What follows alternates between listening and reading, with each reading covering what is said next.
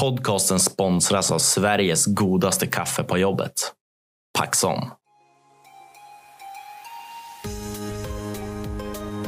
Där kör vi igång, jag tror det är femtonde avsnittet av podden från joboptions.se här i Skellefteå.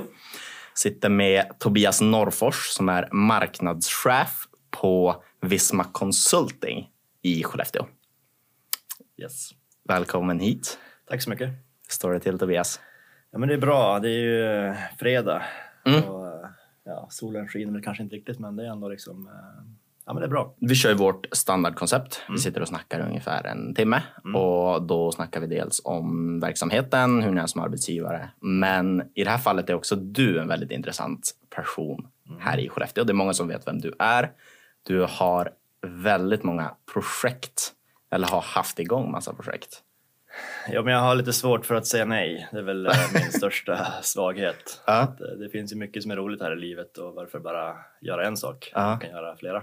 Gillar filosofin. Eh, Men det, är ju, det har ju sina begränsningar det också såklart. Och gör man alltså, ingen, ingen klarar av att göra hur mycket som helst. Så eh, det blir ju ofta att det blir halv, halvgjort Mm. också. Så att, eh, som sagt, det har sina för och nackdelar. Mm. Men du är från stan? Jag är från stan, eh, född och uppvuxen i Ursviken. Ja, okej. Spenderar mina 20 första år i, i Ursviken. Ja. Och sen var det dags att flytta hemifrån. Sen var det dags att flytta hemifrån eh, och då skulle egentligen, eh, från det att jag gick, jag måste ju vara tidigt högstadium, Mm. så tänkte jag att jag ska gå på KTH i Stockholm. Ja. Vi var väldigt ofta i Stockholm på somrarna och liksom, ja men KTH, ja, jag var, jag var så här, eh, kämpade mycket i skolan och ville, ville ha bra betyg och ehm, tänkte att ja men KTH, det, det måste man väl gå, det är Ja. dit man ska. Men sen när man börjar närma sig då och inse att eh, man måste bo någonstans också Mm. så var det, ju, det var ju för liksom, mäckigt att flytta till Stockholm. Mm. Helt enkelt rent praktiskt. Så då hamnade jag i Umeå, eh, på Umeå universitet. Det är väl lagom. Ja, det ångrar jag inte en sekund. Det var fantastiskt faktiskt. Det är en otrolig studentstad. Ja, och när vi snackar med många alltså, personer som liksom vill ta det här steget så Mm. nu på senare tid, jag trodde att alla ville flytta från Skellefteå. Mm. Men nu på senare tid som sagt det är så här många, men uh, Umeå-Luleå, men man försöker ändå vara så mycket som möjligt Mm. i stan. Ja, men det är ju bra. Ja. Alltså, jag är ju en otrolig Skellefteåpatriot så att Umeå är ju inte högt på listan eh, när man Nej. liksom pratar städer emellan. Men Ja. är som sagt det är otroligt roligt studentliv där. Ja. Och just det här att flytta ifrån stan eller inte så är väl jag lite grann av den åsikten att de flesta borde väl testa att flytta från stan men återvända. Mm, mm, mm. För att om ingen flyttar härifrån och alla bor kvar då, då lär vi oss ju ingenting heller. Nej, Man måste det. ut och se världen och så ta med sig de idéerna tillbaka till stan. Det är det absolut bästa tycker jag. Vad pluggar du? Jag pluggade civilingenjör i ehm, information... Nej, vänta nu. det hette interaktionsteknik och design. Okej, IT-relaterat såklart. Ja, precis. Det var ja, men typ datavetenskap fast eh, mer tvärvetenskapligt. Man läste en del på design i skolan, man läste lite psykologi Mm. eh, för att kunna designa egentligen bra användarupplevelser. Mm. På den det- tiden pratade man usability och nu pratar man ju user experience eller customer experience och sådana grejer. Men, Ja. Jag hade ju med David Eriksson, Mm, Norrfin, och han Mm. verkar vara superduktig på det där. Ja men verkligen. De är ju, hela, hela bolaget där är ju fantastiskt duktiga på att skapa bra användarupplevelser. Mm. Var det tre eller fem år? Det var på den tiden var jag civilingenjör fyra och ett halvt. Nu jobbar man ju mer master eh, med masternivåer så att nu är det väl fem. Mm. Just det. Men fyra och ett halvt. eh, Eller fyra år i skolan och ett halvår exjobb. Mm. Men, Vad gjorde du ditt extra då? eh, Jag var här i stan på ett bolag som hette EBI Systems Ja, som sen blev uppköpt av ett bolag som heter Formpipe. just det. Så att, Har ni, eh, om du får kolla tillbaka på din egen resa mm. på det sättet, eh, tar ni in exjobbare idag från samma I linje? teorin gör vi det. Okej. Men eh, i praktiken sällan tyvärr. Vi Ja. har haft, eh, under de åren jag jobbat på Visma har vi haft eh, ja, mindre än en handfull exjobbare. Så Mm. vi är ju vi är alldeles för dåliga på det. Mm. Eh, Man tycker hela tiden att vi, liksom, vi har så mycket att göra, vi har en tid att ta in någon exjobb. Vem ska handleda den här exjobbaren? Eh, Men det är ju en fantastisk resurs faktiskt. Ja. De kommer ju oftast med väldigt mycket energi och idéer. Även om man kanske inte har idéer som funka fullt ut i praktiken så är det åtminstone att man kan få lite ett nytt perspektiv. Mm, mm. Så vi borde vara mycket, mycket bättre på att ta in exjobbare. Men efter högskolan då? Vad Jag du gjorde då? ju först, eh, jag pluggade egentligen bara tre år och så sen eh, ville jag till USA. Eh, Så Mhm. att, eh, jag och en kompis eh, som båda liksom ville till USA, vi drog iväg till Norge och eh, jobbade som fårvältare i eh, några månader. Okej. Eh, och det är liksom på fullt allvar att vi stod 8, 10, 12 timmar per dag och välte får. Eh, det, Varför det? Ja, men det, när man är i, i den här fårindustrin där man ska eh, både klippa och slakta får så hyr man oftast in en fårklippare som är liksom bäst i världen. Typ. Och den personen har en tid att hålla på och välta fåren utan han vill att fåren kommer serverade på rumpan. Så då står vi liksom i ett försteg och eh, välter de här fåren, Ja. bär ut dem på rumpan och så sen börjar han klippa på en. Så att, eh, jag tror vi välte en 3 4 500 får per dag. Men hur får man den idén? Ja, Eller hur fick- alltså vi var ju bara, vi, jag ville, vi måste ha pengar. Vi ville gå som free mover. Vi, Umeå universitet hade en tillräckligt roliga um, utbytesuniversitet så vi, ville, vi valde liksom, vi ville till Kalifornien, försökte hitta något bra universitet där. Mhm. Och så bara, vad kostar det? Det kostar så här mycket pengar. Ja, men då måste vi jobba in pengar. Så att, vars jobbar man in pengar? om man far till Norge. Ja, just det. Och då var det inte riktigt säsong för, för fiskindustrin utan eh, jag hade en barndomskompis som hade varit eh, det här i Meråker utanför, ja, men, utanför Åre egentligen. Hade varit där och jobbat på en köttindustri och så Mm. via henne så lyckades jag. Jag och min kompis få jobb där. Sjukt roligt. Ja men det var, det var jättekul också. Vi bodde i kollektiv, Ja. 10-15 svenska ungdomar. Ja, det är sjukt kul. I ett år eller? Nej nej nej, det här var bara, jag tror det var två månader. Ja, okej. Men ändå sjukt rolig erfarenhet. Ja, men det var riktigt, riktigt kul. Ja. Det där är sån där äh, grej i CV som alla liksom ryggar till på. Fårvältare. Synonym för något. Nej, det, ja precis, man tror ju det, men Mm. det är verkligen Mm, mm. på allvar. Men får ni till Kalifornien sen? Ja, precis. Vi, vi var där i, i Norge några månader, kom hem och då, hade, då fanns ju Donkan eh, här. Det var liksom första vändan McDonalds var här, så jag jobbade på McDonalds några månader. Och sen då drog vi iväg eh, januari det året då, och bara plugga i ett halvår i Fullerton hette det. Okej. California State University Fullerton. Eh, Det är mm, några stenkast utanför Anaheim. Mm, mm. Och det här var 2004 blir det väl. Får tänka när 2004 måste ha varit. Och som sagt vi bodde typ, jag menar det var några kilometer från The Pond, alltså Mm. Anaheims NHL-arena. Mm. Bara, Fy fan vad nice att få se på hockey. Och så blir det lockout det året så att alla är i Sverige istället och spelar. Så men eh, så det blev ingen hockey. Men vi hade, ja det var alltså fantastisk tid. Fantastisk tid. Ja, vad pluggar du där? Fortsättning? Ja, men nej, det, studierna var inte så himla viktigt där utan det var mer upplevelsen. Men jag Mm. läste lite psykologi, eh, lite så här, um, tror jag är human communication, Mm. Liksom förstå hur människor kommunicerar. Och sen tog jag fotokurs. eh, Okej. liksom, ja, ville bli duktig på att fotografera. Så Ja. var väl där lite det intresset startade att jobba med bild och media Mm. också. Så att, um, Lite skillnad på Kalifornien och Skellefteå i temperatur. Jo, det var det. Vi kom ju dit i januari och eh, liksom, vi tyckte att det var högsommar och de gick omkring i täckjacka. Ja. Eh, Men ja, det har jag verkligen tänkt att jag ska tillbaka dit någon gång och kanske testa bo där igen. Ja. Eh, Men vi får se hur det blir. Man kan ha två boenden har jag fått lära mig. Ja, Jag har ju, jag snackade med Y-guy, Stefan ja. Berg. ja. Har mycket snackat så här, ja men hur, hur ser det ut de kommande åren? Ska man ta en vända söderut i Sverige och, eller något annat land eller bara sådär som alla, precis som du. Mm. Eh, och så sa han, måste du, måste du ha två hem?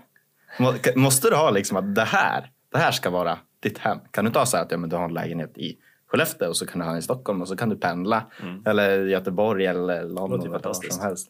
Jag Precis. bara får det att gå ihop. Ja, och jag, jag gillar den där tanken. Bara så här, ja, men, Ja. och den där meningen. Måste man, måste man bo på, på ett ställe? Så. Ja. Jag köper det. 100 procent. Sen då? Flytta från...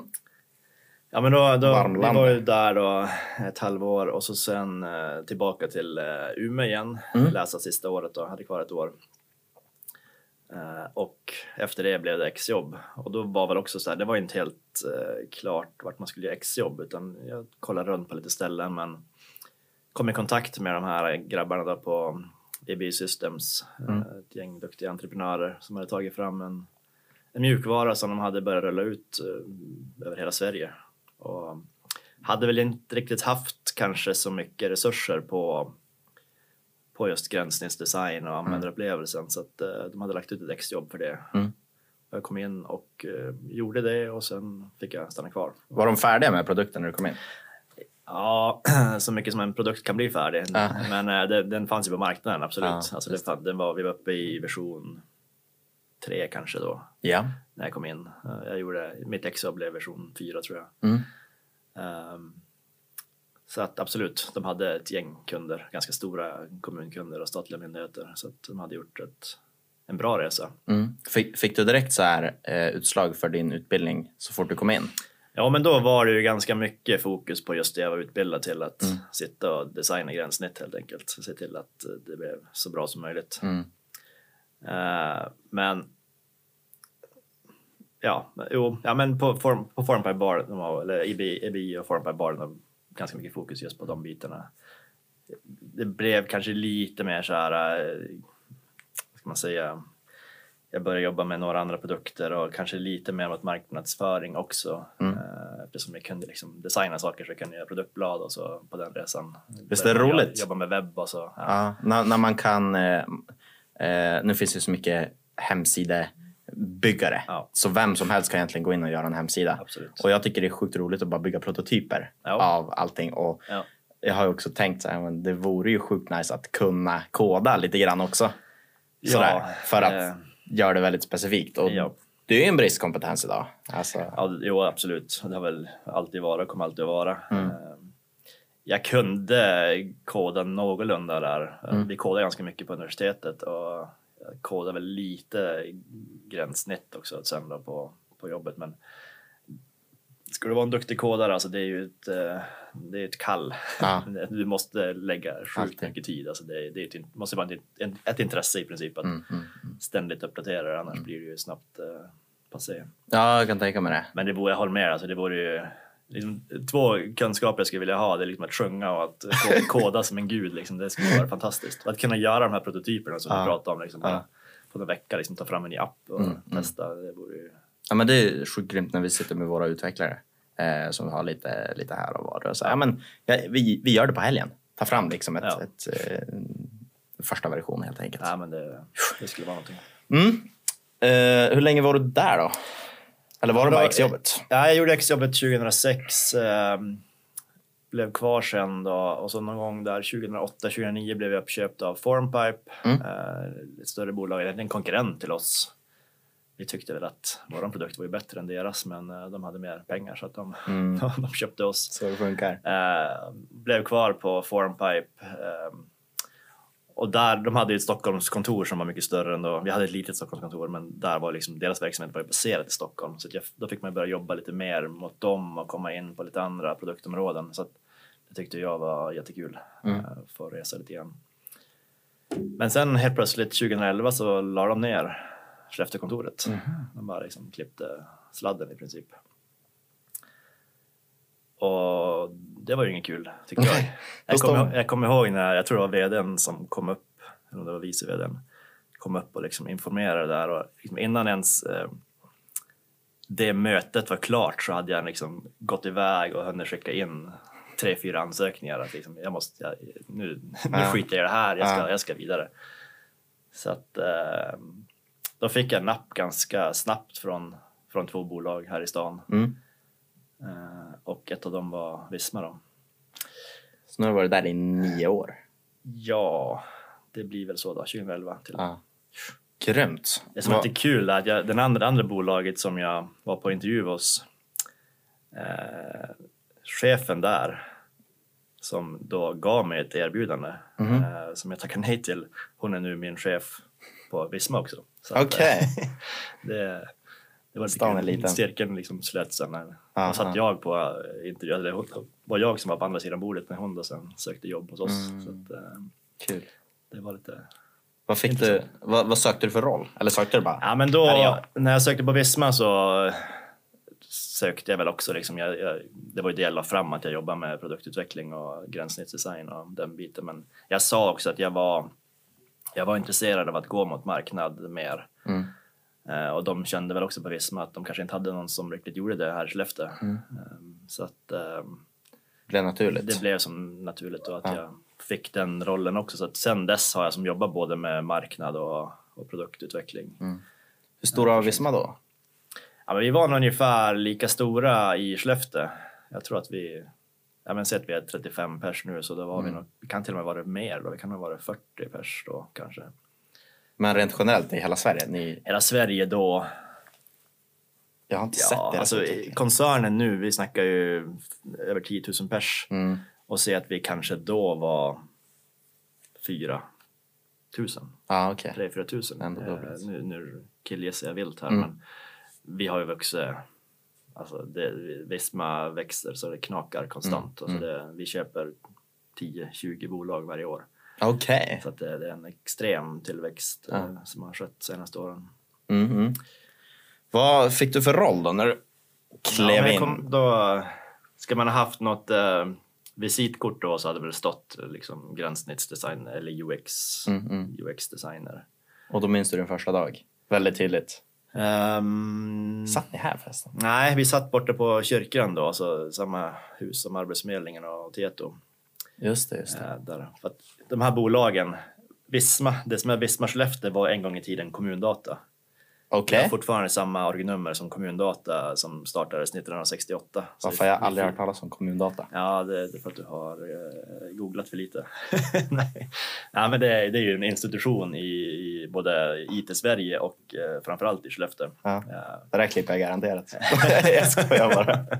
Nej men eh, ja, 68 startade det och hade mycket verksamhet här i Skellefteå. Eh, En superdator bland annat som på den tiden var eh, bland de bästa i världen som man satsade jättemycket pengar på att bygga upp och som vart eh, gammal efter något år bara. Men kommundata sen har då blivit olika konstellationer. Det var ja, på 90-talet hette det Celsius och det var Dialog och det var som vart Enator och så gick det ihop med Tieto och så vart Tieto Enator, Tieto Mm. Och så sen var det då ett gäng människor som eh, köpte ut den delen som jag tillhör nu då, köpte ut det från Tieto, Mm. eh, döpte det till Sirius IT. Och 2010 kom Visma och köpte upp den delen. Se där ja. Så att det, det finns liksom en historia av att sitta ihop då med samma människor som jobbar på Tieto idag. Mm. Jobbar ni mycket med dem? Ingenting. Ingenting. Nej, in, inte mycket. Eh, De blir väl snarare konkurrenter. Ja. Eller, ja, ja, jo. Mer, mer konkurrenter än eh, partners kan man väl kanske säga med, med Tieto här i, här i stan i alla fall. Mm, mm. Ehm, På vissa områden, vissa områden konkurrerar vi inte alls. Det är några tvärsnitt man har där vi konkurrerar. Vet du hur många IT-bolag det finns här i stan? Nej, men det är många. Ja, alltså typ. Och det kommer nya hela tiden känns det som. Nej, men vi har ju, alltså om man tittar på de som levererar till offentlig sektor så är Sverige, eller så är Skellefteå verkligen en, eh, det sticker ut Mm. i Sverige.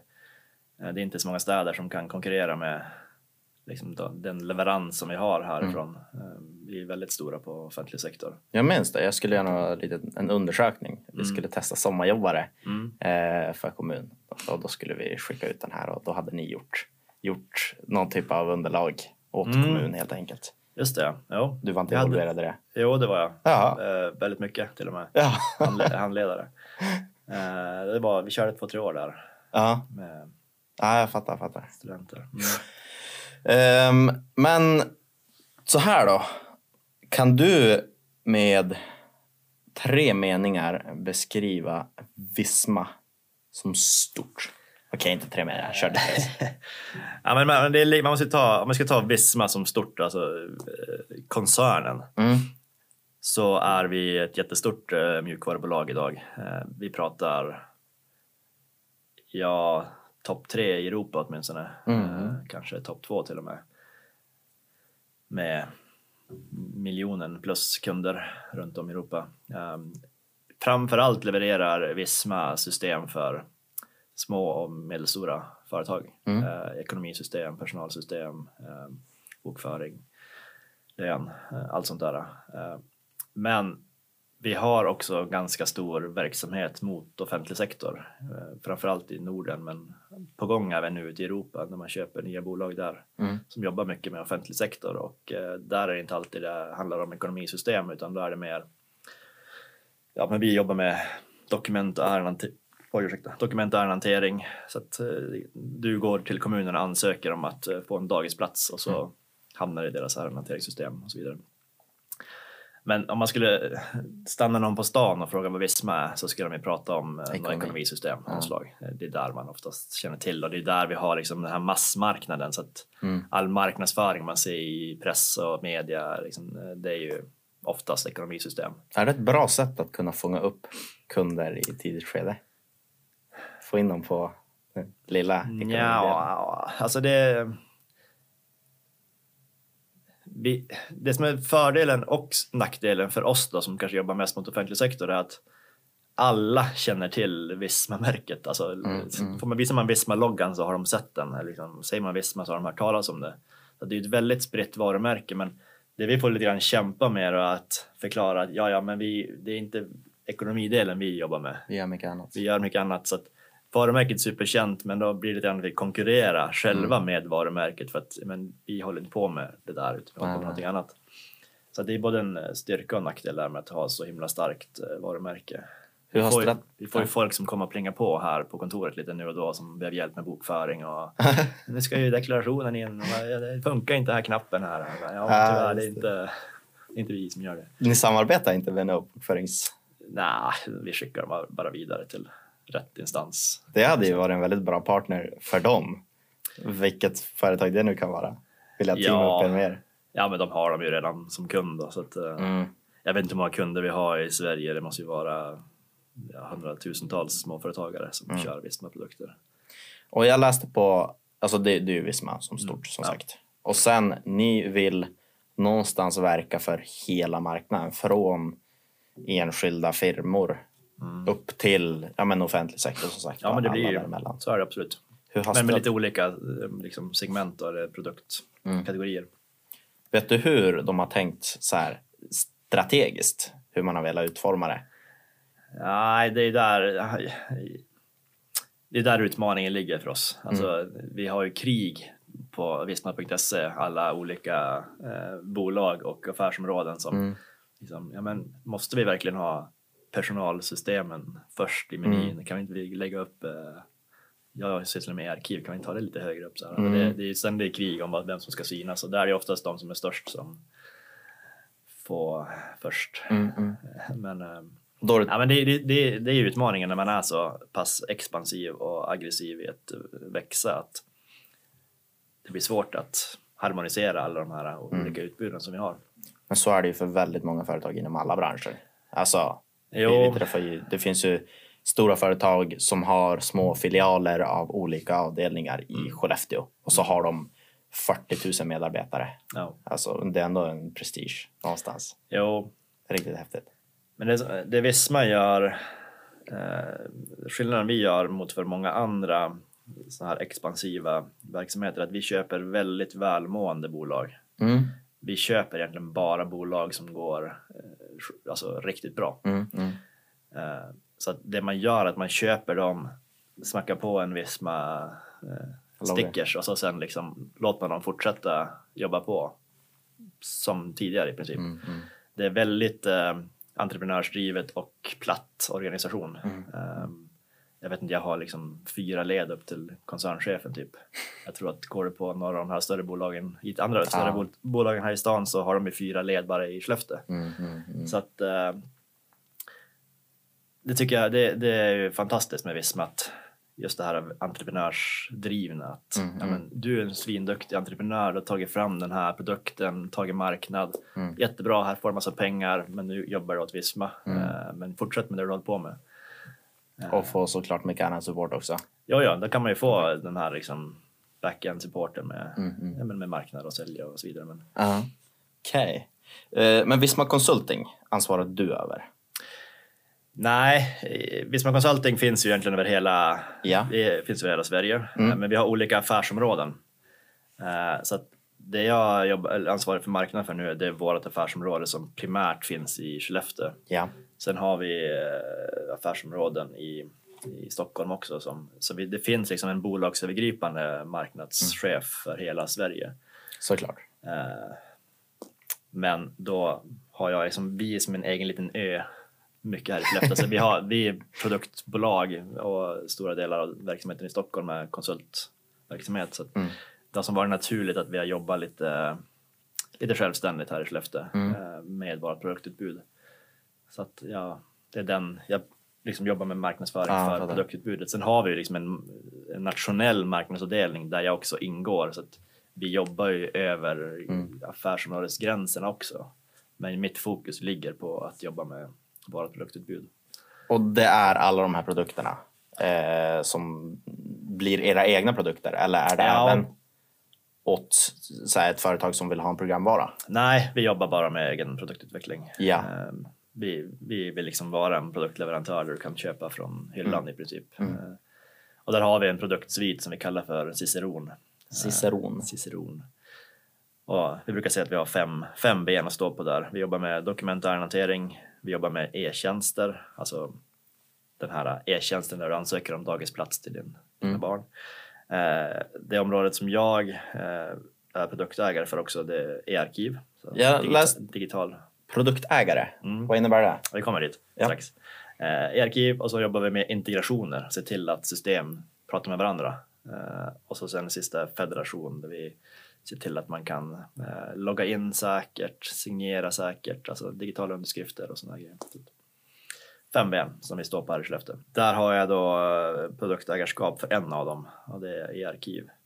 Så att numera sitter jag inte så mycket och designar gränssnitt utan nu är det lite högre upp då att se till att hela produktutvecklingen eh, går åt rätt håll kan man väl säga. Alltså, en produktägare jobbar ju väldigt nära marknaden så att det är ganska naturligt just marknadskopplingen här men eh, man är mycket ute på marknaden och ser liksom vad, vad är behovet och så försöka koka ner det till, till en, eh, en backlog. Liksom. Vad behöver vi utveckla för att vara en, en bra spelare på marknaden? Och så som sen då gå in i produktutveckling. Jag tycker det låter som produktägare. Så är, det, är det personligen du som äger någonting? ja. Men ja, ja, men man får väl stå till svars. Om inte produkten går att sälja då är det ju jag som får skit. ah, okej. Så är det. Men, eh, Vilka kunder jobbar ni mest med här i stan då? Eller är det ens Ja, mest i jobbar, det är stan? det som är lite intressant. Vi har ju i princip inga kunder i stan. Nej, Eh, okej. Vi jobbar med ja, men kommunen har vi ju lite jobb med. Eh, Men sen är det inte mycket. Alltså vi jobbar lite, har jobbat lite grann med och jobbar kanske lite grann fortfarande med Skellefteå Kraft. Eh, Men eftersom vi framförallt riktar oss mot offentlig sektor så är det ju kommuner och myndigheter och eh, det finns ju bara en, en kommun här. Mm. att, eh, Mm. eh, vi är från Kiruna i norr till eh, Skåne i söder. Ja. Det, Just vi det. har verkligen hela, hela landet som upptagningsområde. Mm. Om man kollar på, nu kan man ju liksom inte nämna konkurrenter rakt av sådär för ni har ju så mycket saker. Mm. Men Men vi har ju konkurrenter. Ja, såklart. Definitivt. Så- Man men- har liksom, inom varje område finns det ju konkurrens. vad tycker du är det som gör att ni blir unika på vad ni gör? Det vi brukar säga, våran styrka eh, i vårat, våran leverans, är att vi har den här bredden. Vi Mm. har de här fem benen. Många av våra konkurrenter har kanske ett eller två av dem och så jobbar de med partners för att täcka upp de andra delarna. Eh, Så det är ju det vi framförallt framhäver då som våran, våran styrka. Ja. Att vi kan leverera helheten. Vi kan, Och kapa ledtider. Så här, slippa. Ja, men alltså det, allting pratar redan med varandra, system pratar med varandra och liksom du har flödena. Du kan liksom från att medborgaren ansöker om någonting, det behandlas inne hos kommunen till, till att det då sen eh, slutligen arkiveras Mm. för evigt framtid. Allt det sker digitalt, allt sker med våra lösningar om, om man vill. Mm. Sen är det ju sällan så det blir, utan kommunerna vill ju inte kanske låsa in sig med en enda leverantör, utan man har ändå de här olika. Men vi kan liksom hela vägen, hela flödet, eh, som våra konkurrenter kanske då får samarbeta med andra för att lösa. Det vore ändå drömscenariot att få en stor kund som vill använda allt. Jo, vi försöker ju alltså, såklart få dem att använda så mycket som möjligt. Mm. Det är väl ganska vanligt att de kör kanske tre av de här. Man Mm. behöver alltid integrationsplattformen oavsett om man har dokumentplattformen eller e-tjänstplattformen eller så kanske man behöver digital signering Mm, oavsett mm. vilken man kör och så vidare. Så att, Ja. Sjukt roligt att försöka komma på sätt att få kunder att vilja välja allt. Ja, Alltså, man är försöker som få in foten med Ja. en, en produkt. Då. Sen bara, vi har det här också Ja. och det här. Ja. Och tillsammans. Ja. Ja, jag fattar. Och där kommer marknaden in då och försöka synliggöra allt det här. Mm. För att som jag nämnde lite tidigare att det är också en liten utmaning att vara så bred. Att vi har väldigt mycket som vi kan leverera men vi var, som jag sa, vi är 35 pers Mm. eh, som ska leverera allt det här. Så att, eh, plus då, vi har väl lite mer Mm. eh, man kan ta in då från resten av bolaget men Mm. i, i grunden liksom 35-40 pers som ska leverera hela det här utbudet. Är du ute mycket hos potentiella kunder? Ja. Är det liksom din huvud? Ja, men det, det är ganska mycket. Ehm, Jag brukar säga att jag reser, eh, gör 50 flighter per år typ. Okej. Eh, För det är ju aldrig här lokalt utan Nej, det är alltid flyg i princip. Ehm, Så att eh, ja, men jag reser. Det går lite upp och ner. Det kan vara varje vecka i några veckor och sen kan det vara uppehåll en månad och så sen. Mhm. Men ja, jag är väl en av de som reser eh, mest här. Vi är väl fem pers som reser ganska mycket på Mm. kontoret. Igår när jag snackade med Dan, på, Mm. eh, Magnusson på SSC, han bara alltså, har du inte guldkort hos SAS då är du ingen riktig säljare. Nej. Nej, men jag, man, det här låter ju sjukt drygt men nu i coronatider här så börjar man ju fundera på tappar jag mitt guldkort nu för nu kan inte jag flyga. Ja, ah, just det. Nu Ah. skickar ju SAS ut här att det är lugnt, ni får Det- behålla ert guldkort. Nej men det är väl, det är väl inte jätte... eh, Man ska väl kanske inte eh, Skylta det. skylta så mycket med att man flyger mycket för att det är väl inte helt i tiden. Nej, nej. Men eh, här uppe finns inget alternativ. Alltså, Nej. Tyvärr. skulle jag göra det här med tåg så Ja. Då skulle det vara skilsmässa. Jag skulle behöva vara borta så himla mycket Mm, eh, mm. med alla transporter som skulle behöva vara. Så att, Men du rutar ju rätt mycket för Skellefteå, som sagt. mm, väldigt mycket. Eh, är du involverad i, i Norrbotniabanan också och vill att den ska komma hit? Och... Nej, eh, där har jag haft ganska låg profil. Ja. Jag tycker att självklart måste vara Norrbotniabanan, men jag bor på rälsen i princip Ja. idag. Eh, Så det kommer ju eh, Personligen för mig kommer det ju inte att vara jackpot. Vi- går ju från att ha åtta passager per dygn utanför sovrumsfönstret till eh, 60 Mm. typ när Norrbotniabanan kommer. Så att, ja, man kanske borde ha sålt huset innan dess. Men, Eh, Det- Självklart måste vi ha Norrbotniabanan. Eh, Men jag, det är inte så att jag står på barrikaden och eh, Nej, jobbar för att den ska komma. Men, nej exakt, exakt. Men din dagliga... Vad ska man säga? Eh, Hur ser din dagliga dag ut? Min Vad- dagliga dag? Din- Eh, ja, om vi verkligen ska ta från första ögonblicket jag öppnar ögonen så är jag ju en snosare av rang först. Aha. Snosar kanske en 40 minuter på Okej. morgonen. Snabbt upp, duscha. Kalldusch. Eh, Ja, eh, måste duscha i alla fall varje Ja. morgon. Eh, Och sen är det ju liksom så minutschema för barnen. Mm. Liksom de ska klä på sig, det ska borsta tänderna, kissa Mm. iväg. Så att, eh, oftast så cykla eller åka bil med Mm. barnen till skolan. Eh, jag är ju den som sagt som ligger kvar och snosar så att eh, min fru får väl eh, liksom göra, se till att barnen stiger upp Mm. och liksom kommer igång och så jag sen som cyklar iväg med dem eller kör bil med dem.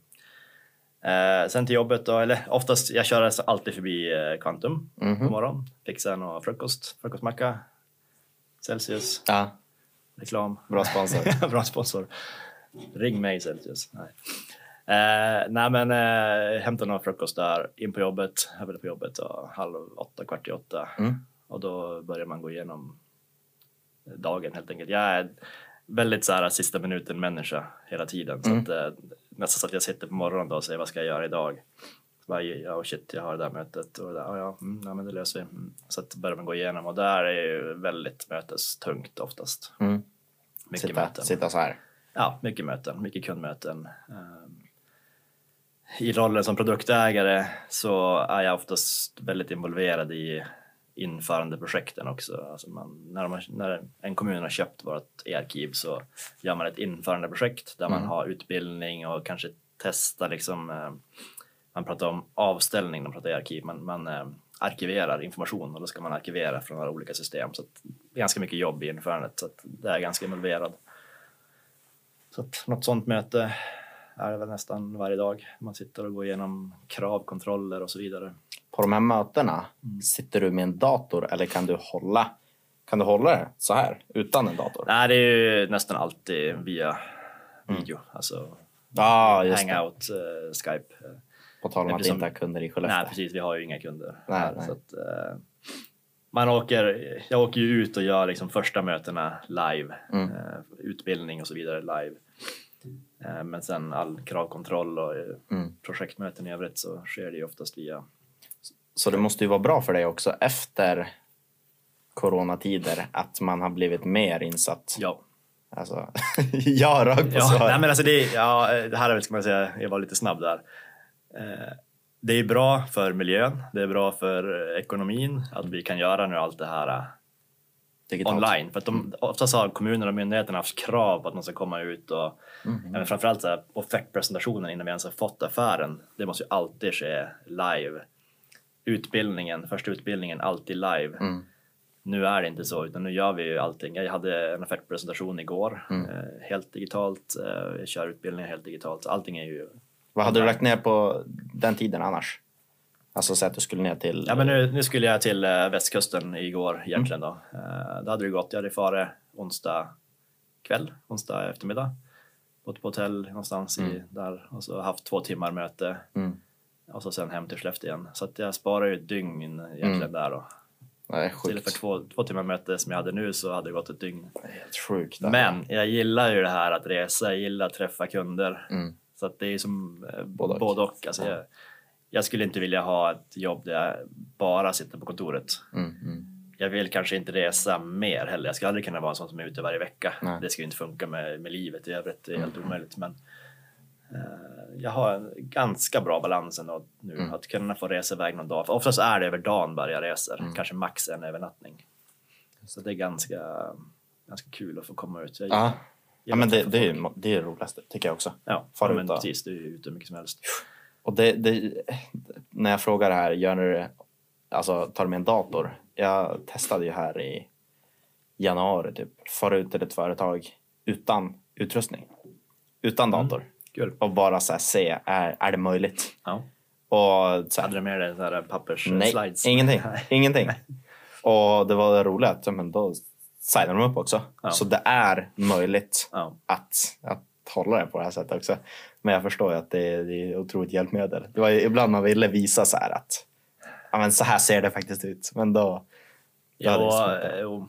ja, men det är där jag tycker det är modigt och jag skulle nog kanske behöva testa det också. Jag är ju mm, PowerPoint, nu jobbar jag inte med PowerPoint, jag kör Mm. Google Slides, men en riktig sån här eh, PowerPoint eh, knarkare. Mm. Jag, jag sprutar ju liksom eh, fyra bilder i minuten. Ja, Ska jag hålla en halvtimmes föredrag så är det 120 slides typ. okej. Men, så att jag, jag är verkligen sån som jobbar med slides. Men Ja.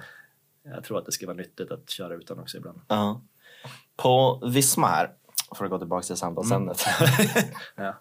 eh, har du någon så typisk success story som du själv har varit inblandad i? Som du är väldigt nöjd över? Ja, men vi...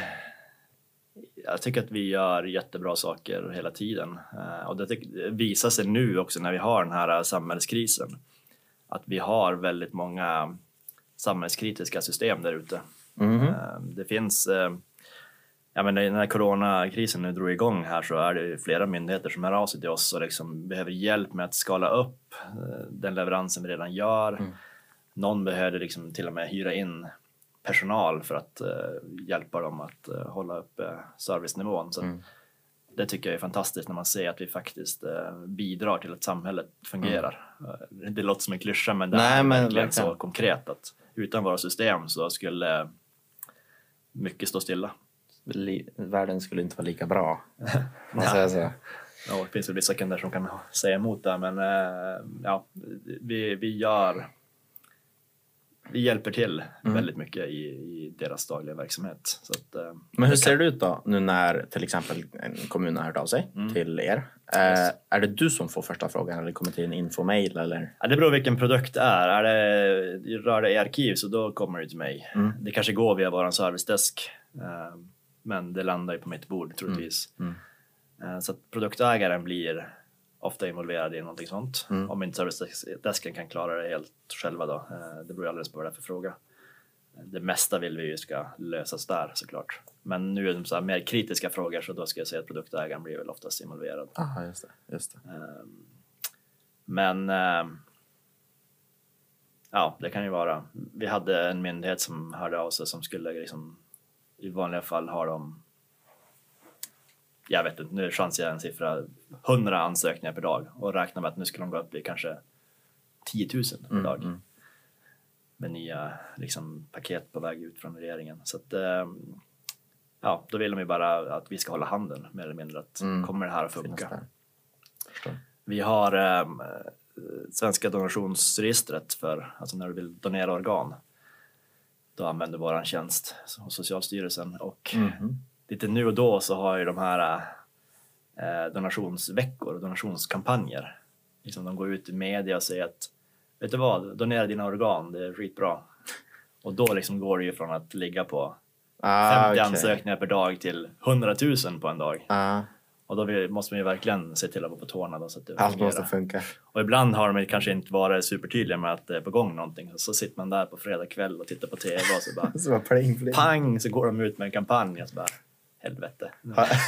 Har det varit så att du har suttit och, ja men till exempel en fredagkväll, så ser du den här kampanjen och så bara, nu måste jag tillbaka till kontoret. Ja, men jag, jag, jag, jag, är ju inte den som behöver åka in då, utan jag, jag blir ju liksom fan, nu måste Ah, Fredrik åka in på kontoret eller någon annan för att, liksom, som, som berör den, eh, Mm. den produkten. Då, så att, eh, Om man kollar på branschen, IT-branschen Mm. i sin helhet, vad är de absolut största utmaningarna de kommande åren?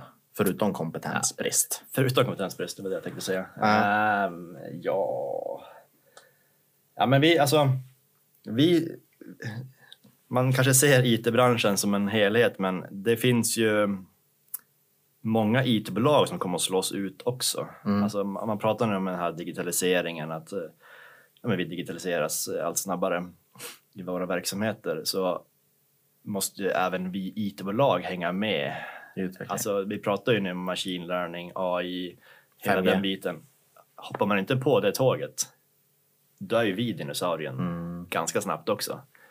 Så att utmaningen för oss nu är att ändå liksom bryta vårt eh, tankemönster och se till att vi går mer mot den här eh, automatiseringen. Och Mm. när man pratar AI så tänker man ju att det ska vara någon liksom eh, Terminator nästan. Men eh, det är ju små, små grejer som kan faktiskt göra väldigt stor nytta i, Mm. i att bara automatisera vissa processer. Mm. Och skit vi i det, alltså där är vi borta på, vi kan vara borta om fem år liksom. Det, Hur, gör ni för att, ja, hur gör ni för att upprätthålla det? Ja, men det är inte jättelätt. Eh, Nej. Men som sagt, det gäller att ta det i... Att, att se till att man ändå alltid har det i åtanke. Att, eh, hur kan vi effektivisera det här? Hur kan vi föra in automation i Mm, det här? mm. Men det är, alltså, det är, det är jättesvårt. Jag man är så så- himla van i... Man har, och så är det oftast ganska stressigt också. Mm. Alltså det är konstant utveckling, kunderna har krav hela tiden. Och att då också försöka vara lite kreativ och tänka ja men okej det här är vårt flöde nu hur vi utvecklar men vi måste ju ha ett sidoflöde där vi tänker på Mm. framtiden. Vi var på någon föreläsning för eh, några år sedan. Eh, jag tror det var när hela bolaget var på konferens i Madrid. Eh, så var det någon som pratar om oljetankers och speedboats. Att vi är den här oljetanken som snabbt, liksom, eller inte snabbt utan sakta glider fram. Stadigt, väldigt stadigt fram Mm, hela mm, tiden. mm. Men man behöver ha några speedboats också som hela tiden liksom utforskar nya områden. Några, någon speedboat kanske försvinner och aldrig kommer tillbaka. Och, eh, liksom, Mm. Men du måste jobba snabbt och agilt på sidan om också. Har ni så här en innovationsgrupp i företaget? Eller man ska säga. Ja, men det finns, eh, det finns en... eh, vad kallar de det? TAB tror jag de kallar det. Tech, Technology Advisory Board. som är ett gäng personer då, som ska jobba med de här frågorna. Sjukt roligt. Uh, jo, absolut. Är det någonting du strävar efter? Ja, men jag var med, vi hade en annan tidigare liksom, AI-gruppering också. Jag skulle jobba, liksom, bryta ut och försöka ja, men, experimentera lite grann. Mm. Men vi hamnade lite snett där. Vi, liksom, vi skulle titta på AI och så plötsligt sitter vi och räknar linjär algebra. Alltså, vi började för, för djupt. Mm. Man ska börja liksom, köra top-down och liksom, Mm, mm. vad finns det för färdiga lösningar som vi bara kan pussla ihop. Liksom. Vi behöver inte utveckla algorit- algoritmen det första Nej. vi gör. Eh, så det har man blivit bättre på nu då, i den här eh, nya eh, tabben. Då. Mm. Så att, men ja, absolut, jag tycker att det, det är jättekul att tänka innovation. Jag men tänk- det är så lätt att fastna i den här oljetanken. Ja, Ibland verkligen. måste man hoppa på speedboaten och fara iväg. Ja, mycket inom marknadsföringsbranschen. Mm. Det är ju mycket som... Alltså det finns ju mycket poddar som helst. Det finns Mm. mycket, hur mycket som helst som man kan lära sig. Ja. Och jag har ju fastnat lite i att man har... Jag har alltid någonting i lurarna. Ja. Och det Bra. är väldigt bra, optimalt. Men å andra sidan finns det ju negativa konsekvenser med det också. Att man alltid liksom är uppdaterad Mm. och aldrig får den här ron. Nej. Men jag tänker att ja, det, är, det är väl någonting man, man kan börja blicka utöver. Ja. Bara se så här, hur, hur, hur håller man sig egentligen ständigt uppdaterad? Ja. Det, det är en sjuk utmaning, du förstår Ja, också. men det går ju inte att vara uppdaterad på allt. eh, Nej. Det. Men eh, man måste ändå hålla sig uppdaterad. Mm, mm. Eh, skit man i att liksom man tycker att det där då? har inte jag tid med. Nej. Ja, men då är det ju på väg ut för. Alltså, tyvärr är det ju så. Alltså, du måste, Mm, mm. vill du utvecklas så måste du ta lite ansvar själv. Om man kollar på kompetensförsörjningsfrågan. Mm. Jag ska inte dra ut på det allt för länge. Mm. Eh, du befinner dig i IT-branschen Mm. och det är den absolut st- största bransch där det är störst kompetensbrist. Mm, kan nog vara så. Vad tänker du annars? Någon annan bransch? Ja, Eh, ja men vård och omsorg tänker jag väl kanske Ja. börjar ha lite problem att Ja. hitta folk också. Mm, men, eh, nej men alltså IT-branschen har ju problem eh, och det är ju, jag vet inte, kidsen vad de vad, vad vill kidsen bli idag? Youtube-stjärnor. Youtube-stjärnor, ja. ja men så är det väl kanske. Ja men det är ett problem det där att man inte eh, att det är för få som vill, vill in i den här branschen och det är ju vårat fel, alltså det är branschens fel tycker jag som inte har lyckats eh, sälja in det här för att alltså du, det har, du har ju garanterat jobb om Mm, du liksom mm. går IT-spåret. Mm. Om du, alltså, då ska du vara helt värdelös om Mm. du ska misslyckas att få jobb. Eh, Så att, Men hur känner du? Du valde ju IT från början också. Eller Ja, skulle jo, du kalla ja, det men absolut. Ja, men jag, från det att jag fick eh, min första Commodore 64. Ja. Jag såg att du hade några avsnitt med Linn-Marie här och pratade Ja. om Amiga och sånt. Ja. Vad är det för någonting?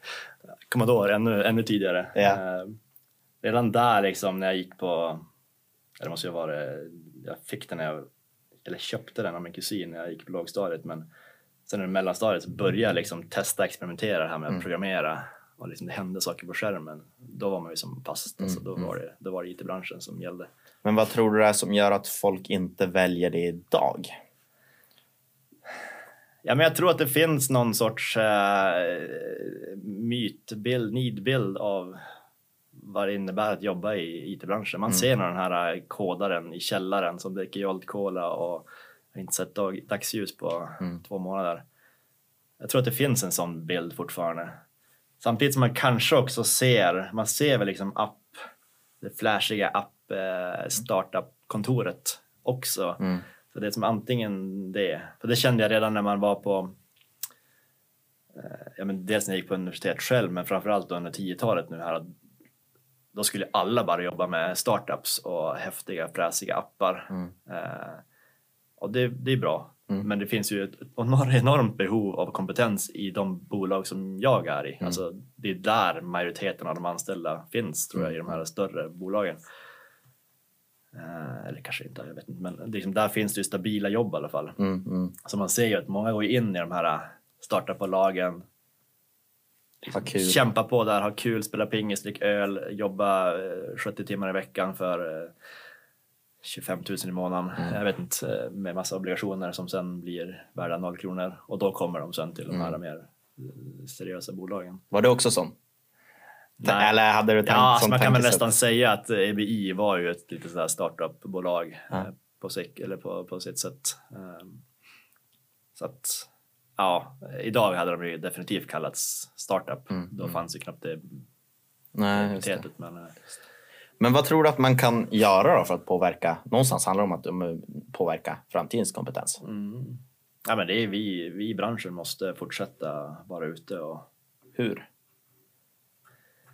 Ja, vi försöker vara ute på, på skolorna, både på gymnasienivå och på universitetsnivå och visa att vi finns. Men det,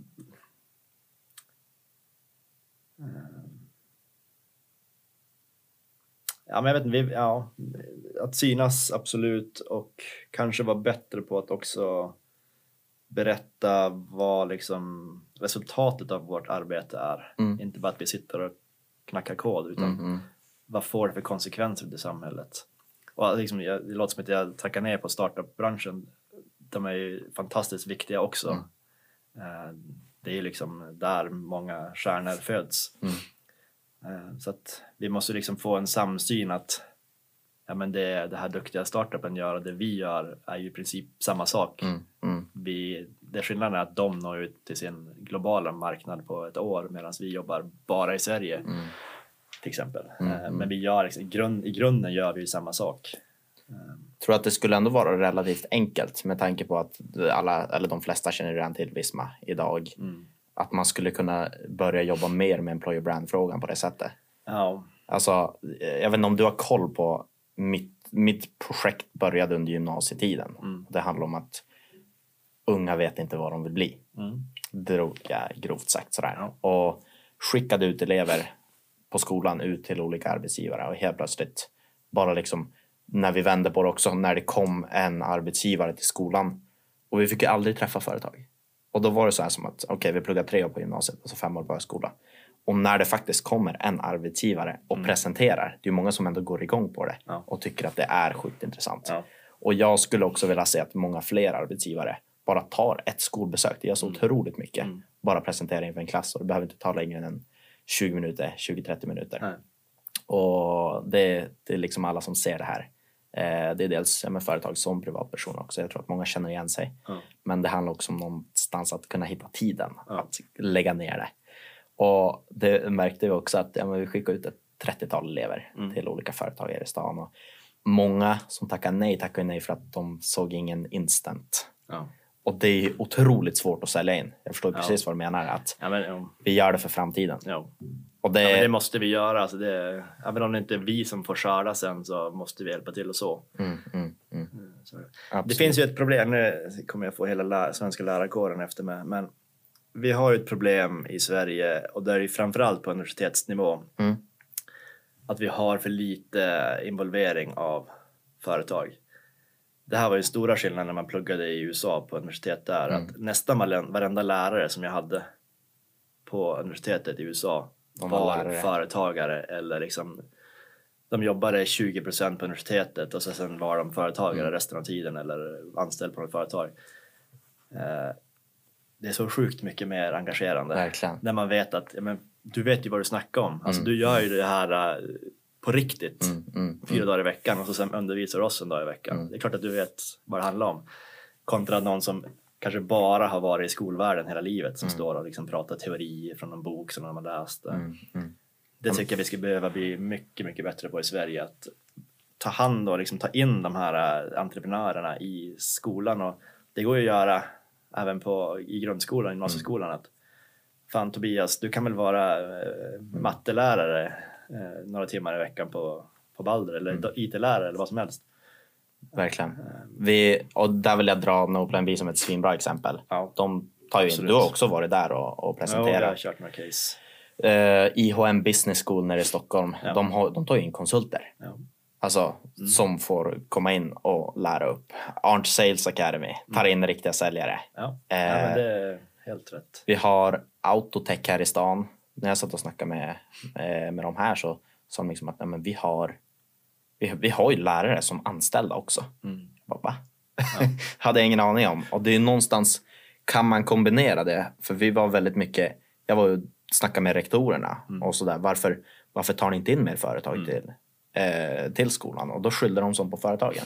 Och när jag pratade med företagen också, då var det som att ja, men, skolan hör inte av sig. Nej, nej men det det är lätt att man skyller. Precis. Alltså, man hittar ursäkter Precis. på båda håll. Men det finns väldigt, väldigt mycket att göra, som Ja. sagt. Ja men det gäller ju att alltså, eh, skulle jag gå till min chef och säga att jag ska vara lärare en dag i veckan så kanske hon inte skulle jubla. Nej. Men det gäller ju liksom att hitta Mm. eh, den här balansen när man båda ser att man, vi tjänar på det Mm, i långa mm. loppet. Men det är väldigt svårt att se den här jag säga, instant gratification. Att, Mm. eh, vad ger oss nu? Ja men ger ingenting nu. Nej. Men om fem år kanske den här eleven Mm. är vår bästa kodare. Ja, För att den valde det spåret. blev inspirerad. Kontraktor, de har ju också startat sin egen utbildning uppe i Mm. Hemavan. Alltså Mm. då inom byggsektorn Ja. såklart. Men det ser, ja, det ser vi på många, eh, många företag att de börjar komma igång med sina egna utbildningar. Och, Jag, jag tror ju det här är framtiden. Alltså, Visma gör lite grann det fortfarande, eller redan nu och det är många andra bolag som har också en egen akademi. Mm, mm, Så istället för att du ska gå fem år på universitet och lära dig utveckla så får du ett turboår på ett Mm, år. mm. Sätt dig i våran skola, sen är du liksom rakt in i arbete. Mm, mm. Vi behöver, men det måste vi förtydliga, vi behöver universitet och forskare och den biten också. Men för majoriteten som bara liksom ska plöja igenom universitetet för att få ett jobb Mm. så finns det bättre alternativ tror jag. Absolut. absolut. Eh, om man kollar på egenskaper som ni söker hos era anställda, mjuka värden.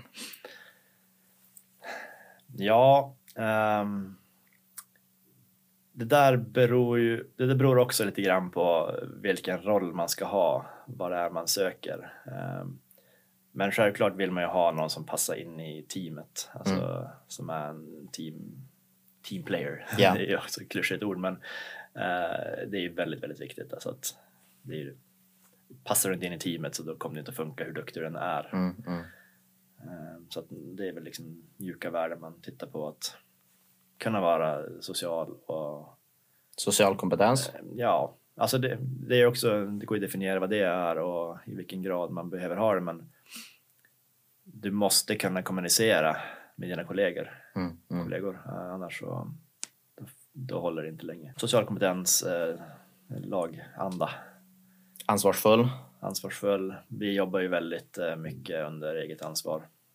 Det gör vi absolut. Ska man gärna vara ung med jättelång erfarenhet eller spelar det liksom ingen... Ung med lång erfarenhet. Ja, Eh, jag snackar 25 år med 15 års erfarenhet. Eh, vi behöver ha en eh, mix tror jag. Ja. Alltså vi har, vi har en ganska hög medelålder på vårt kontor. Eh, så vi kanske skulle behöva lite yngre också. Alltså Mm. vi, jag vet inte vad vår medelålder ligger på men den, den är hyfsat hög ändå. Mm. Jag tror att man alltid behöver ha en mix. Alltså vi kan inte bara ha 50 plus, vi kan inte bara ha 25-åringar heller. Nej, nej, nej. utan eh, ha den här blandningen av, av gammal och ung. Mm. Det tror jag blir bäst. Sitter du med i rekryteringsprocessen någonting? Eh, mindre och mindre skulle jag väl säga. Mm. Eh, det var mer förr. För att... Ja, men nu har vi lite mer. Uh, förr hade vi liksom en chef som var, var personal, hade personalansvar för alla. Mm. Nu har vi mer dedikerade personalchefer eh, och oftast är det ju de då som, det är framförallt två personer då, som Mm. hanterar de här rekryteringarna. Så där är jag inte lika involverad längre för att ja, det behövs inte. Förstår. Förut, tyck- förut var jag med för att jag tyckte att det var intressant och kul. Mm. Eh, Nu kan nu, liksom, nu behövs det ingen som, tycker att det är intressant och kul utan nu gör de det mer eh, seriöst. Mm, kan man säga då, att de har egna processer för det där. Men säg att någon kommer ja, från någon IT-bolag här i stan. Mm. Kommer knacka på er dörr eller lämna in ett CV till dig. Hur, hur går den processen till? För om du till exempel hade ansvarat. Mm. Nej, men jag, där kan, jag- kan göra liksom sådana möten att jag ska träffa en, en kille nu om, är om en vecka tror jag, eller två veckor. Mm. Som har hört av sig till mig. Han har fått eh, mitt namn från någon annan. Ska flytta hit till stan Mm. eh, och nu liksom, eh, ska vi träffas bara för liksom, förutsättningslöst diskutera vad han vill och Mm. vad vi kan och finns det någon match. Och finns det en matchning där då kommer jag lämna över honom till ja, men, eh, personalansvarige personen då, hos Yes. oss. Och så tar de det vidare därifrån. Men vad sitter du och kollar på? För då antar jag att du sitter precis då, som vi gör just nu. På ett sånt möte så kommer jag att vilja, nu kanske han kommer att höra det här. Det är bra. Ja, vi väntar med att Ja, men, nej, men det är bra, då får han veta vad han ska förbereda. Nej, men där handlar det ju mycket om att eh, den personen behöver ju dels på något sätt kunna lyfta fram vad, vad han kan. Mm. Alltså vad, för det kan vara en sak vad som står på CV, att du har gått de här utbildningarna, men som i mitt fall, jag jobbar med marknadsföring, det finns inte ett spår av det på Nej. mitt CV i utbildningsväg. Så att där kan man ju liksom hitta, ja men okej, du säger att du är civilingenjör, men du kanske egentligen är eh, Mm. någonting annat eh, i liksom hur du arbetar, hur du tänker.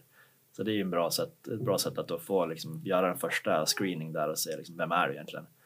Och så får man ju en ganska bra känsla, om vi sitter och snackar över en kopp kaffe så kommer Mm. jag få en känsla för hur du är du som, person.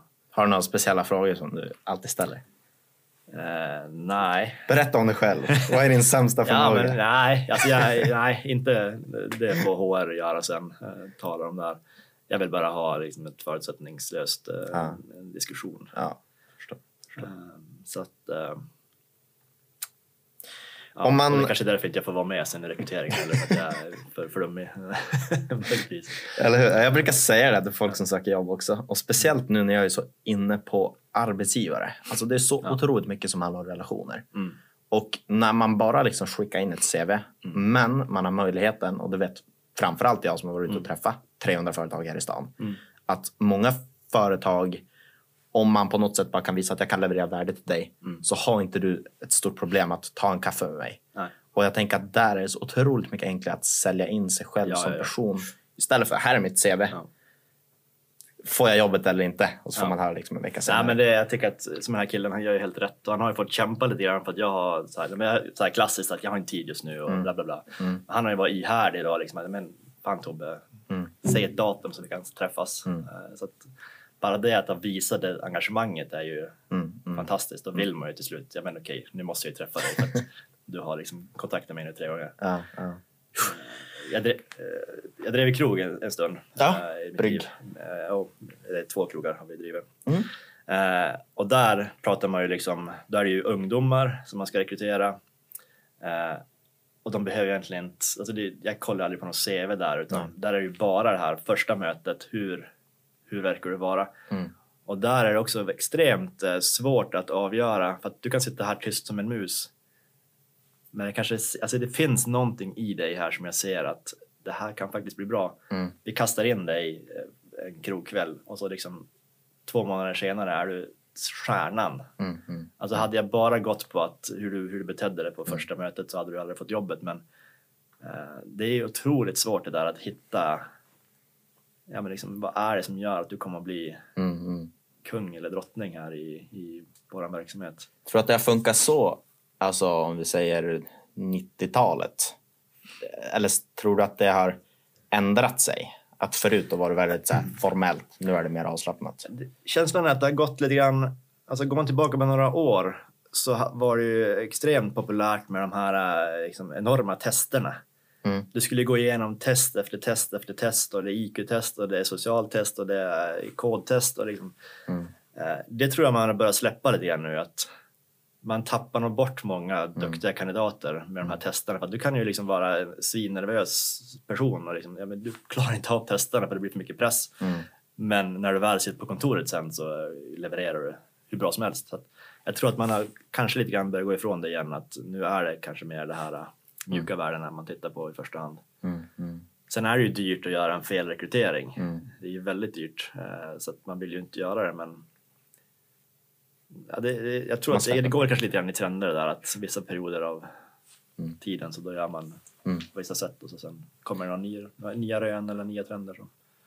Men när man väl är på plats då, man jobbar på Visma. Mm. Hur jobbar ni för att upprätthålla nöjda medarbetare?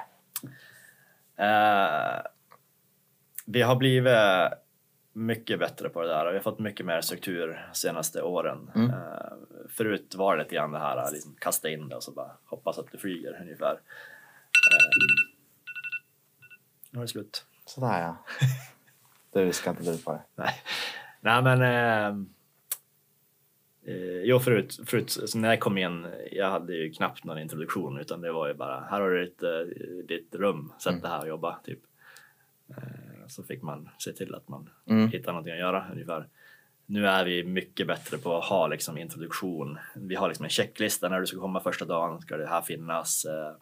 Du kommer ha träff och möten med de här personerna, den här utbildningen, Mm. uppföljningar. Så att där har vi blivit så mycket bättre.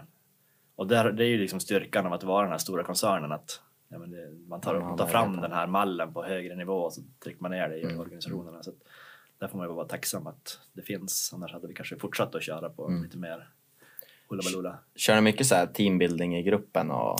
Ja, och sen har vi, ja precis, om vi kommer in på det då att eh, när alla då är inne och jobbar och har hittat sin plats så eh, försöker vi ju absolut att ha teamaktiviteter. Eh, vi har en liten grej som vi kallar för eh, MOS, eh, Mätt och smart, med lunch, Okej. lunchföreläsningar. Vi käkar lunch tillsammans och så får någon i, i eh, personalen hålla 20-25 minuters föredrag. Mm. Bara liksom för att dels sprida kunskap, för det är, det är kanske det svåraste när man mäter våra kundundersökningar eller medarbetarundersökningar. Så många har ju åsikter om att vi är för dåliga på att sprida kunskapen mellan Mm, varandra. mm, Men det är så lätt att man sitter och jo- jobbar i sitt stuprör. Så det är ett sätt att liksom försöka bredda verksamheten. Mm. Mm. Eh, Men absolut försöka göra roliga sociala aktiviteter. Men det är samma sak där, att det, är lite grann, det krävs att eh, någon visar engagemang och vill ta tag i det också. Mm. Såklart. Eh, Det är lättare om man har en personalstyrka som allihopa är 25 bast. Mm. Alla står på krogen alltid. Så det är väldigt naturligt att du liksom, ja men fan går vi på krogen, vi går och tar en Ja. AV. Nu sitter vi här med eh, många som har kanske småbarn och Mm. så det behövs mer planering för att hitta på sådana aktiviteter. Ja, men en AV kanske man inte kan göra så här utan vi planerar in det om tre veckor. Har du varit på någon så här utbildning för att internutvecklas senaste året? Mm, jo, det har jag. Och det Eller fick... varit, det har, de har varit eh, online. Ja, Mm, men någon typ av utbildning för att Ja. du ska fortsätta utvecklas. ja. Varför fick du det? Jag tog nog det. Alltså det... Ni erbjuds. Ja, alltså vi har... Vi jobbar ju lite grann inom olika eh, grupperingar. Det här var inom marknad och där har vi, vi är ganska duktiga på att ha liksom, kortare utbildningar hela tiden. Det kommer liksom upp från eh, koncernen, Mm. det finns från externa eh, källor. Men vi försöker liksom att ständigt ha, men kanske behandla om en lunchföreläsning det också eller en halv dag eller vad det kan tänkas vara. Mm, Eh, Men det, det, det finns som ett ständigt flöde där med utbildningar och det, det handlar liksom bara om att ta sig tiden. Mm. Mm. Vi har någonting som vi kallar för eh, Google Time också eh, på bolaget där man får, jag tror vi har, jag tror en timme i veckan. Man får liksom, den ska du lägga på utbildning. Ja. Att okej. Utbildning behöver inte vara det här formella att du sitter i ett klassrum. Man måste lite grann ta ansvar själv Såklart. också, se till att man lär sig något. Så där finns det avsatt tid att du ska, du måste sitta och Mm. utbilda dig om, eller utveckla dig själv inom Mm. någonting. Men det eftersträvas ju av kandidater också. Det är ju Ja. inte bara jag vill ha en bra lön. Utan Nej. det är liksom karriärutveckling. Ja. Det ska vara bra arbetsmiljö och Ja, starkt ledarskap och allt sånt där. ja och, verkligen. Det, Ja men super. man kommer till en viss nivå där kanske lönen inte är Allt. allt. Precis. Alltså det, det, det är alltid en liksom balans mellan lön, ansvar, eh, arbetsmängd, Mm. Mm. eh, förmåner. Mm. Jag tycker att vi har bra förmåner, vi har, vi har bra löner, eh, vi har väldigt fritt. Liksom det, det är arbete under eget ansvar. Mm. Mm. Eh, platt organisation. Mm. Du har lätt för att, vill, vill du vara med och påverka så kan du påverka. Det liksom det, det bara att ta chansen. Liksom. Vars vill du då inom Visma? vart vill jag inom Visma? Ja, alltså hade jag bott i Stockholm så hade jag väl kanske strävat uppåt. Ja. Eh, Jag känner väl kanske inte att jag strävar efter att ta min chefs jobb. Eh, Det är väl liksom nästa steg då om man ska Ja. uppåt och bli affärsområdesansvarig. Eh, Det är lite grann, alltså det finns så mycket roligt att göra. Mm. Eh, Jag har ju en del sido, Ja precis. sidobusiness så att eh, jag är ganska jag är ganska lycklig nu i, Ja. i, min, min vardag. Jag har, jag har möjlighet, jag har till och med gått ner 10% i tid så Mm. liksom, jag kan lägga fyra timmar i veckan på Mm. Mm. annan verksamhet. Mm. Och bolaget är okej med det. Mm. Så det, det är fantastiskt. Det tror jag inte. Alltså det, det är en väldigt flexibel arbetsgivare och ja, jag tror att man ser värdet i att jag också är ute och ränner och gör liksom andra saker. Mm, mm. Eh, Och det kanske även gynnar Visma. Det här är ju en sån grej. Jag hade ju aldrig suttit här om inte jag hade gjort andra grejer. Nej, nej precis. Eh, precis. Det är jag helt övertygad om. Vi hade aldrig träffats om jag hade bara suttit på Visma-kontoret. Mm. Mm. Mm. Balans, jobb och fritid. Ja, Eftersträvas också. Ranstad Ja. gjorde en topp 10 undersökning på det här. Ja. Och det är så men flexibilitet, så man ska kunna jobba lite var som helst och Ja. eh, när som helst. Och, sådär. Mm. och det blir allt mer modernt. Jo. Och bara corona nu har ju eh, tagit bort tio år av utveckling här. Vi har ju hoppat fram. Ja. Det är ju så här som man spelar Monopol. Går raka spåret till, eh, Eller hur? Det går. Eller hur? Det Eller så fort nu så att vi kommer aldrig komma tillbaka till samma värld som vi hade innan. Nej, nej. Det är många som har liksom insett att det funkar bra att jobba hemifrån, Mm. det funkar bra att jobba på distans, Mm, mm, mm. digitalt. Nu har det ändå gått två månader Ja. av också. Eh, vad, så här, personligt. Mm. Du driver lite andra små projekt. Mm. Du har gjort också. Är det någonting du vill berätta lite mer om? Eh, För att man ska få en annan uppfattning. Jag kan sitta i några timmar här. Nej, men jag har väl... Eh, att, eh, det som fick mig att komma in på att driva eget, eh, att ha liksom egen verksamhet, det var ju min passion för klubblivet egentligen, alltså vara Mm. DJ. Eh, det föddes, den, den liksom, det intresset föddes på mellanstadiet. Att jag ska bli DJ. Mm. Eh, man började köpa in prylar och så när man då sen såg att jag kan tjäna pengar på det här Mm. kan ute och liksom göra jobb och tjäna pengar. Och till slut så måste man, jag tror det faktiskt var, jag gjorde ett jobb, och, eller jag, jag spelade musik på AIKs eh, matcher. Okej. Eh, det här måste vara i slutet på 90-talet. Ja. Jag var ung. Och då hade jag ett möte med, med PA namedroppar han här. Och han bara, Tobias, du måste ha ett bolag. Bara, ja, det kan jag väl skaffa. Så där, där liksom föddes eh, första, första bolaget. Då. Mm, mm. Ehm, och så sen, eh, det, det, har, det är ju det, mitt intresse, min passion, Mm. just det här klubblivet. Och det har ju lett till att vi också driver två bolag. Vi drev Mollys, jag och mina syskon, eh, syrrans man. Drev Mollys under några år. Vet inte om du knappt så du känner Nej, jag hört Det är liksom om det. eh, under torget, Ja. tio, tio meter under torget. eh, Nattklubb som vi drev i två år. Eh, fantastiskt. Och så sen för några år sedan här med Brygg. Mm, Eh, Så att, eh, jag lovar mig själv att aldrig mer driva krog för att det är ju extremt slitsamt eh, Ja. och väldigt svängig bransch. Men jag kommer nog aldrig, alltså jag vet inte, någon, någon får putta mig ut ur DJ-baset. Mm. Jag kommer inte att... Men det är ju väldigt inne nu också. Alltså om man kollar Ja men där, på... det finns ju liksom en yngre eh, generation då som... Vi har ju TS då. Ja, 49. Jo, men, jo absolut. Eh, Men han har ju fått kämpa på också, Mm, slå sig fram och nu liksom poppar det upp en DJ varje dag. Mm, Eh, mm. ehm, Så att ja, där har jag alltid liksom jobbat och kunnat liksom dela nytta med nöje. Mm.